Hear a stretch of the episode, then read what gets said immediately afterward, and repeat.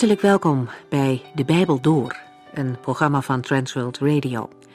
De Bijbel Door is een radioserie die u in vijf jaar meeneemt door de hele Bijbel. Van Genesis 1 tot Openbaring 22.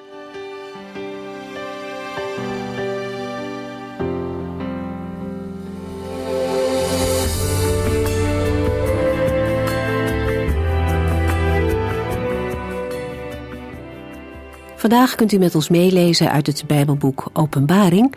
We zijn bezig in hoofdstuk 1. En daarin vertelt de apostel Johannes ook kort iets over zichzelf. Hij is op het eiland Patmos terechtgekomen. Niet uit vrije wil, hij is verbannen naar Patmos. Eilanden aan de zuidwestkust van Klein-Azië werden door de Romeinen gebruikt als verbanningsoord voor mensen die volgens hen een gevaar vormden voor de samenleving. De reden die Johannes voor zijn verbanning geeft, heeft twee elementen. Hij zegt: Ik kwam op Patmos om het woord van God en het getuigenis van Jezus. Deze twee dingen liet Johannes niet los onder druk van de samenleving. Hij bleef trouw aan de naam van Jezus en aan het woord van God, ook toen dat verdrukking en lijden met zich meebracht. Hetzelfde gold voor de christenen in de gemeente van Philadelphia. In Openbaring 2 en 3 vinden we brieven die aan de zeven gemeenten zijn geschreven. In sommige brieven staan vermaningen, maar in de brief aan Philadelphia vinden we alleen een positieve opmerking. Ze hadden het moeilijk, er was lijden, hun kracht was maar klein, maar wat hen kenmerkte is dat zij het woord van God bewaarden en de naam van Jezus niet verlogenden. Onze situatie is anders dan de tijd van Philadelphia, maar om ons heen zien we ook dat de naam van Christus en het woord van God losgelaten worden. Johannes en de gelovigen uit Philadelphia hebben ons echter een voorbeeld gegeven om na te volgen. Hoe de tijdgeest ook is, wat er ook gezegd wordt, deze twee dingen zijn belangrijk om vast te houden. Vanuit de hemel ziet de Heer de trouw van zijn volgelingen. En zoals door het hele boek Openbaring klinkt, Hij komt spoedig terug. Dat mag ons motiveren om vandaag en morgen trouw te blijven, totdat Hij komt. We lezen verder in Openbaring 1.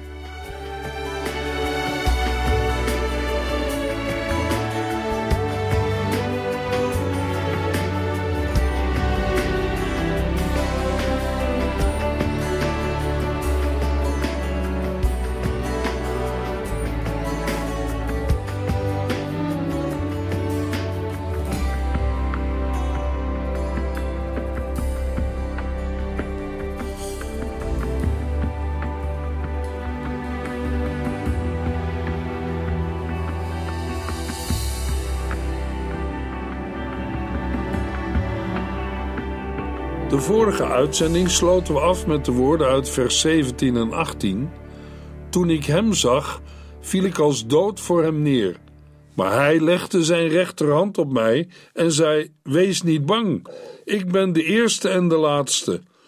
Ik ben de levende, ik ben dood geweest, maar nu leef ik voor altijd en eeuwig. Ik heb de dood en het dodenrijk overwonnen. De verschijning van de Heer Jezus was zo overweldigend dat Johannes als dood voor zijn voeten viel. Bij een openbaring van Gods heerlijkheid kan geen mens op de been blijven. In Ezekiel 1, vers 28b lezen we eenzelfde reactie van de profeet Ezekiel. Zo zag de verschijning van de heerlijkheid van de Heere eruit. Toen ik dit zag, liet ik mij met mijn gezicht naar beneden op de grond vallen. Op dat moment hoorde ik de stem van iemand die tegen mij sprak.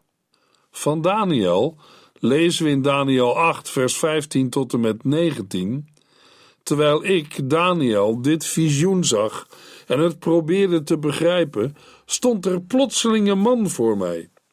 Tenminste, hij zag eruit als een man.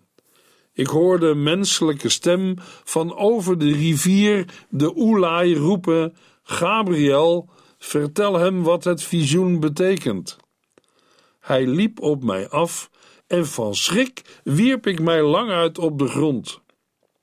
Mensenkind, zei hij, u moet begrijpen dat dit visioen betrekking heeft op de eindtijd. Terwijl hij dat zei, verloor ik het bewustzijn. Hij raakte mij echter aan en hielp mij overeind. Ik ben gekomen, zei hij, om u te vertellen wat er gaat gebeuren. Johannes schrijft: Toen ik hem zag, viel ik als dood voor hem neer. Maar hij legde zijn rechterhand op mij en zei: Wees niet bang. De majesteit en luister van de hemelse persoon die Johannes ziet, maakt dat Johannes niet kan blijven staan. Maar dan voelt hij de rechterhand van de mensenzoon op zijn hoofd en hoort hij de woorden: Wees niet bang, ik ben de eerste en de laatste, ik ben de levende, ik ben dood geweest, maar nu leef ik voor altijd en eeuwig. Ik heb de dood en het dodenrijk overwonnen. Het kan bedoeld zijn om Johannes kracht te geven om op te staan, nadat hij als dood was neergevallen. Maar het kan ook, in verband met de uitgesproken woorden van troost, een bemoedigende handeling zijn. Het wees niet bang vinden we door de hele Bijbel heen. Met name daar waar mensen boodschappers uit de hemel ontmoeten. Johannes hoeft niet bang te zijn, want de Ik Ben, die de eerste en de laatste is, is bij hem. Het Ik Ben als zelfaanduiding, gevolgd door een goddelijke titel of benaming, komt in Openbaring vijfmaal voor. Tweemaal wordt het gebruikt door de Heere, de Almachtige God, en driemaal door Christus. Alle vier de keren dat de benaming de eerste en de laatste voorkomt in het Bijbelboek Openbaring, worden de woorden gebruikt voor Christus. Hij is de eerste en laatste van alle dingen. Het is een eigenschap van God de Vader, die ook op de Heer Jezus van toepassing is. We lezen het al in het Oude Testament. Bijvoorbeeld in Jesaja 44 vers 6. De Heere, de koning van Israël zegt: Ja, Israëls verlosser, de Heere van de hemelse legers zegt het: Ik ben de eerste en de laatste. Er bestaat geen andere God. En in Jesaja 48 vers 12 en 13 Luister naar mij, mijn volk, mijn uitverkorenen. Ik alleen ben God. Ik ben de eerste, ik ben de laatste. Mijn hand legde de fundamenten voor de aarde. De palm van mijn rechterhand strekte de hemelen boven u uit. Ik roep ze en ze komen tevoorschijn. Omdat God de eerste is, hoeven wij niet bang te zijn. In Psalm 90, vers 2 lezen we: Al voordat u de bergen schiep, was u God. Voordat u de aarde schiep, was u God vanuit de eeuwigheid van oudsher tot in de eeuwigheid in de verre toekomst bent u God. Deze laatste woorden onderstrepen dat de Heere ook de laatste is. De drie enige God is de eerste, omdat er niemand voor hem was. En hij is de laatste, omdat er niemand is die na hem komt. Voor een gelovige betekent het dat de Heere er in alle omstandigheden bij is. Denk aan de woorden van David in Psalm 23, vers 4. Zelfs als ik door een donker dal moet lopen, ben ik niet bang, want u bent dicht bij mij. Uw herderstaf beschermt mij en begeleidt mij heel de weg. Openbaring 1, vers 18. Ik ben de levende. Ik ben dood geweest, maar nu leef ik voor altijd en eeuwig. Ik heb de dood en het dodenrijk overwonnen. De Heer Jezus is ook de levende, die leeft voor altijd en eeuwig. Het is opnieuw een eigenschap van God de Vader, waarin Christus deelt. We lezen in Jozua 3, vers 10: Vandaag zal het u duidelijk worden dat de levende God in uw midden is. Dan gebeuren er grote dingen. Maar een mens kan ook naar de levende God verlangen, zoals de dichter van Psalm 42, vers 3. Mijn hele innerlijk verlangt naar de levende God. Wanneer zou ik voor hem mogen verschijnen? In Psalm 84, vers 3 zingen de Koragieten: Ik smacht van verlangen om bij u te komen. Mijn ziel en mijn lichaam zingen uw lof, de lof van de God die leeft. In Openbaring 4, vers 9 en 10 lezen we over Hem die op de troon zit, die voor altijd en eeuwig leeft. En over het aanbidden van de Heere en Hem erkennen als de Heer van hun leven. Ten slotte lezen we in Openbaring 10, vers 6 over de engel die op de zee en het land staat. Hij zwoer bij Hem die altijd en eeuwig leeft, die de hemel, de aarde en de zee met al hun bewoners gemaakt heeft. De Heer Jezus is behalve de levende ook degene die dood is geweest. Dat wil zeggen, die overgeleverd geweest is aan de fysieke dood. Door zijn opstanding is hij niet alleen opgewekt ten leven, maar heeft hij ook de dood overwonnen. Dit laatste zegt de Heer Jezus in Openbaring 1, vers 18 met de woorden: Ik heb de dood en het dodenrijk overwonnen. In een andere Bijbelvertaling lezen we: Ik heb de sleutels van de dood en het dodenrijk. Sleutels zijn een symbool van macht. De uitdrukking de sleutels van de dood en het dodenrijk kan betekenen sleutels om het dodenrijk te sluiten en te openen. In verband met de personificatie van de dood en het dodenrijk in Openbaring 6 vers 8 kan het ook betekenen sleutels die in het bezit zijn van de dood en het dodenrijk.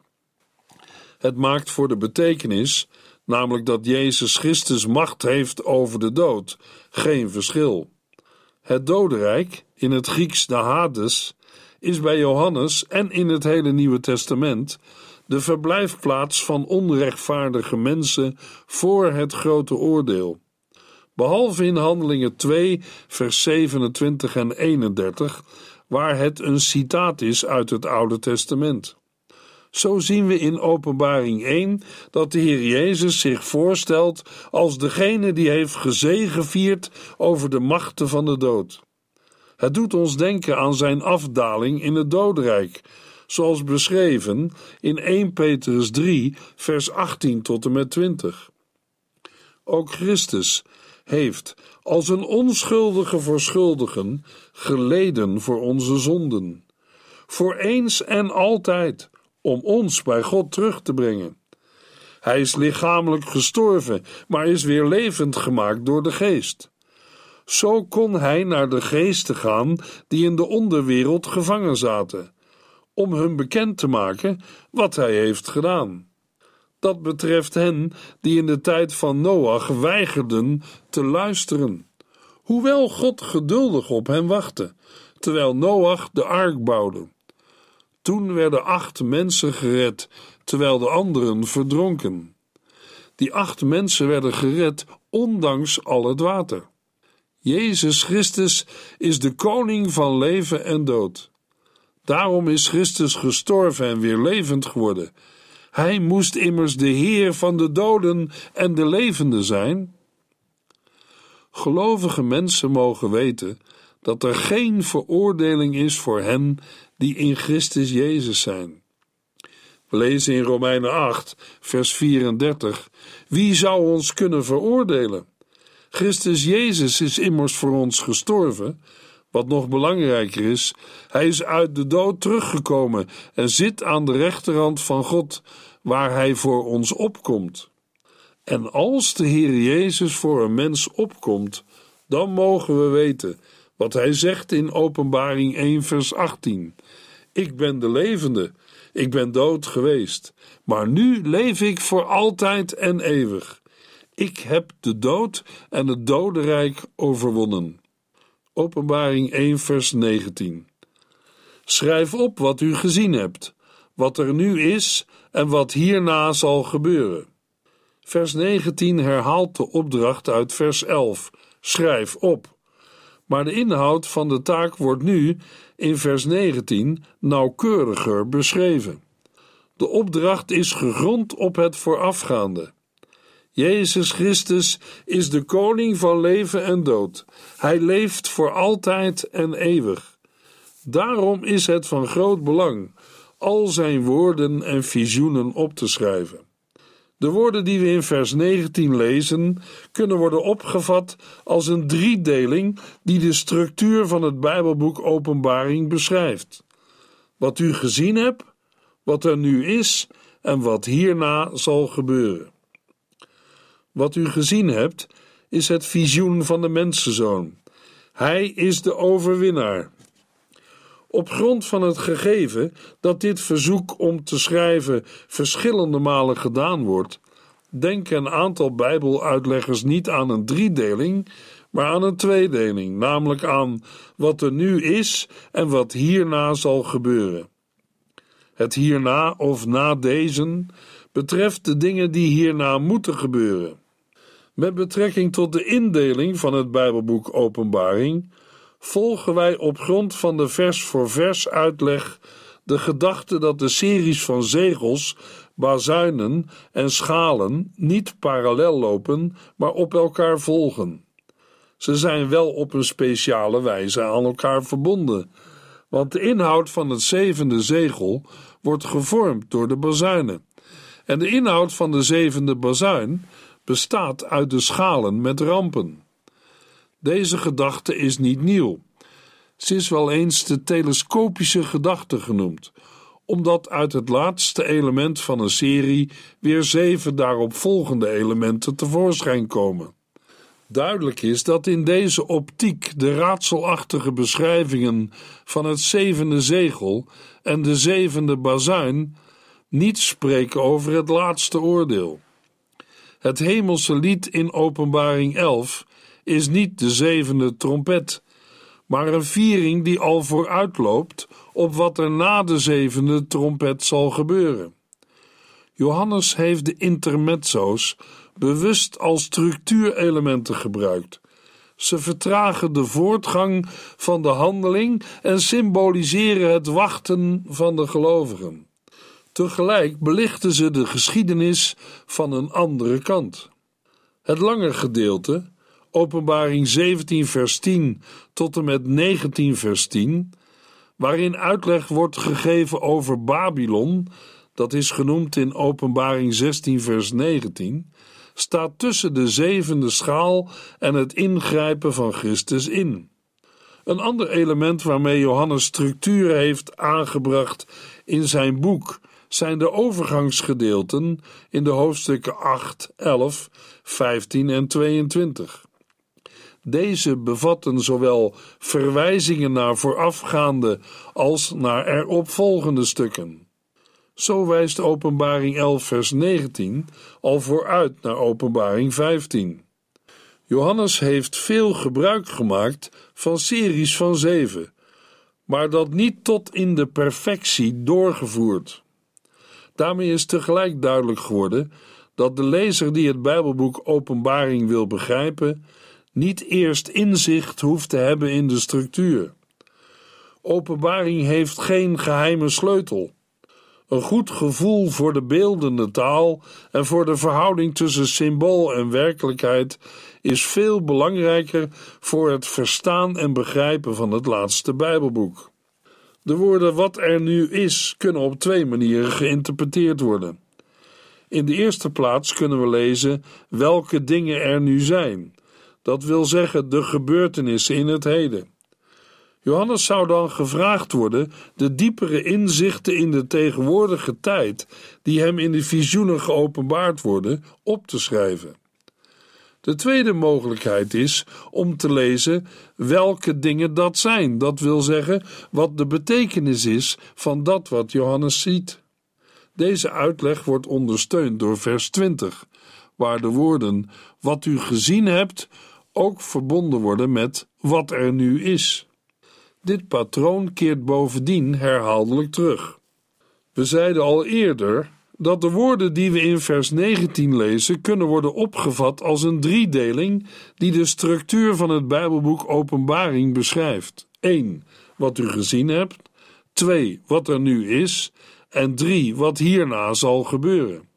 Johannes krijgt de opdracht: schrijf op wat u gezien hebt. Wat had Johannes tot op dit punt gezien? Hij had de verheerlijkte Christus gezien.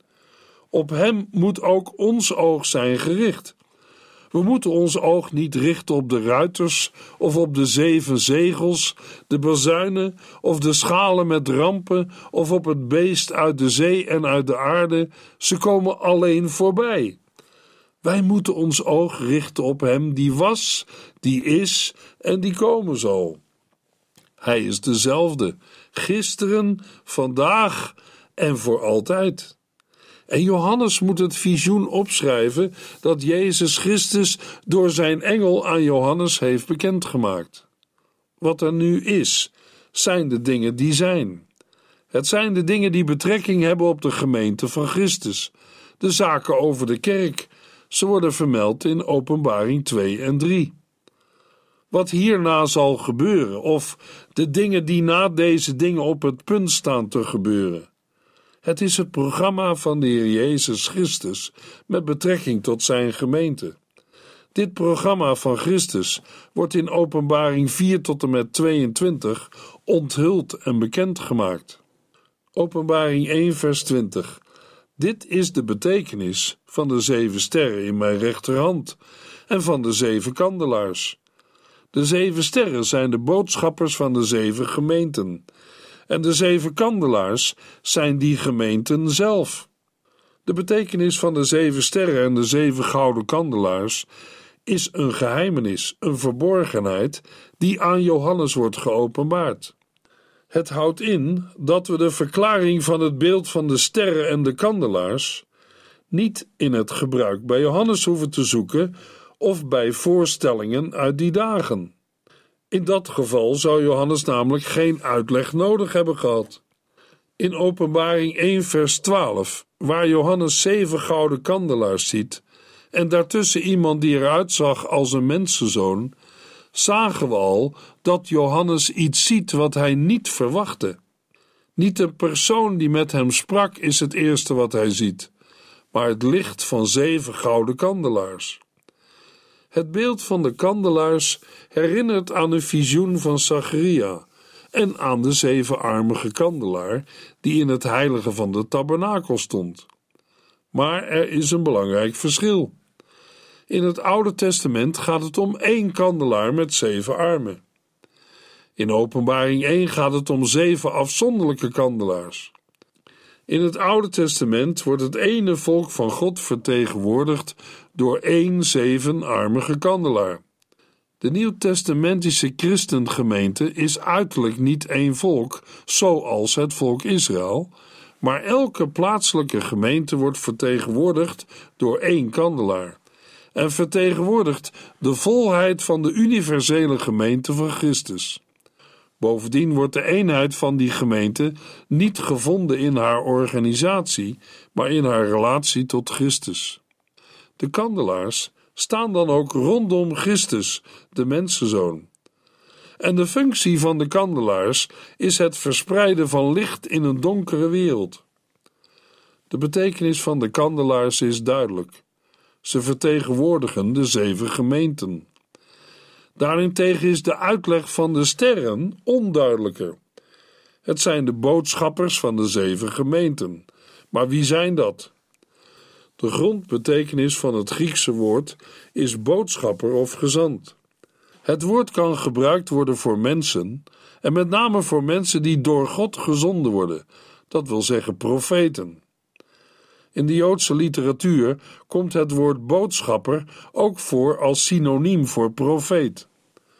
Als dat ook in Openbaring 1 het geval is, zijn de boodschappers niet alleen gezanten die de brieven van Johannes naar de plaats van bestemming brengen, maar profeten, de dienaren uit vers 1, die verantwoordelijk zijn voor het geestelijk leven van de gemeenteleden.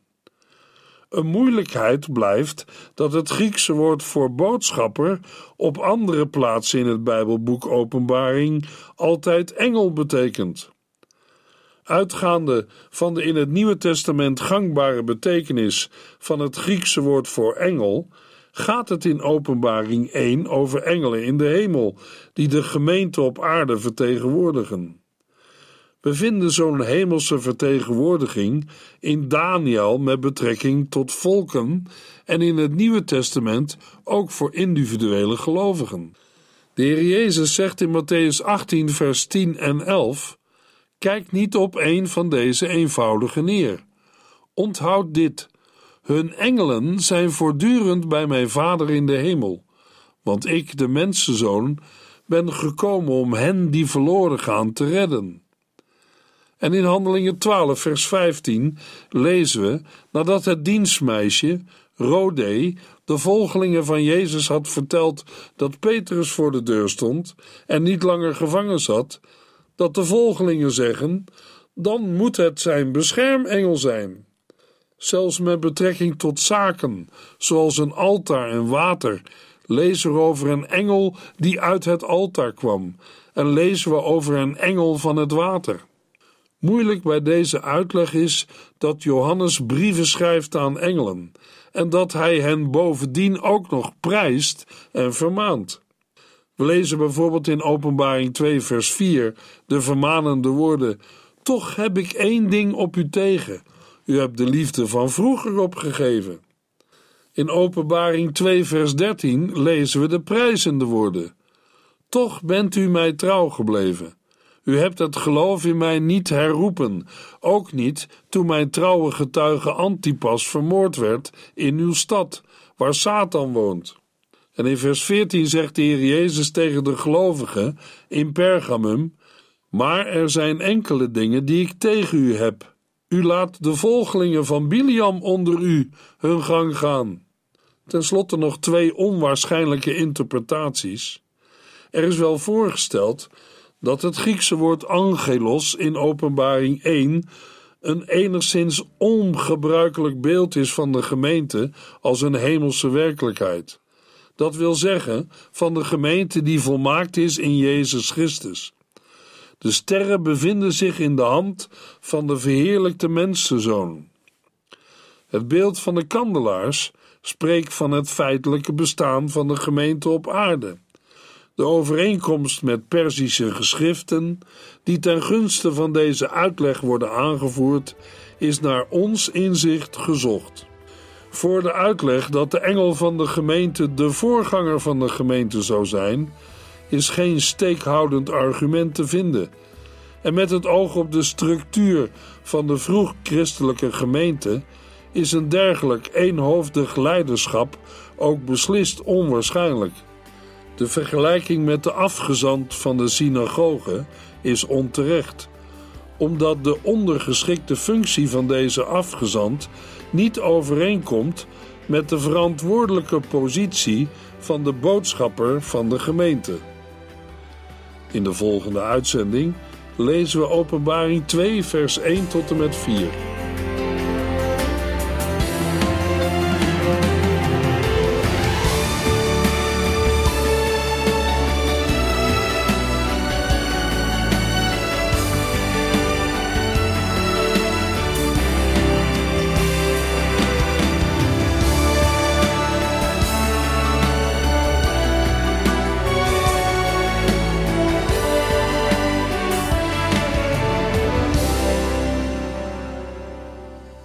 Geluisterd naar De Bijbel Door. In het Nederlands vertaald en bewerkt door Transworld Radio. Een programma waarin we in vijf jaar tijd de hele Bijbel doorgaan. Als u wilt reageren op deze uitzending of u heeft vragen, dan kunt u contact met ons opnemen. Tijdens kantooruren kunt u bellen op 0342 47 8432. 0342 47 8432. 32. Ook kunt u een e-mail sturen naar de Bijbel door transworldradio.nl en natuurlijk kunt u ook via de post ons bereiken. TWR, postbus 371, postcode 3770, AJ in Barneveld. Dit programma werd gepresenteerd door Cor Weda en Ike André. Techniek was in handen van Odin van Woerdenkom. En namens ons allemaal bedanken we u van harte voor het luisteren.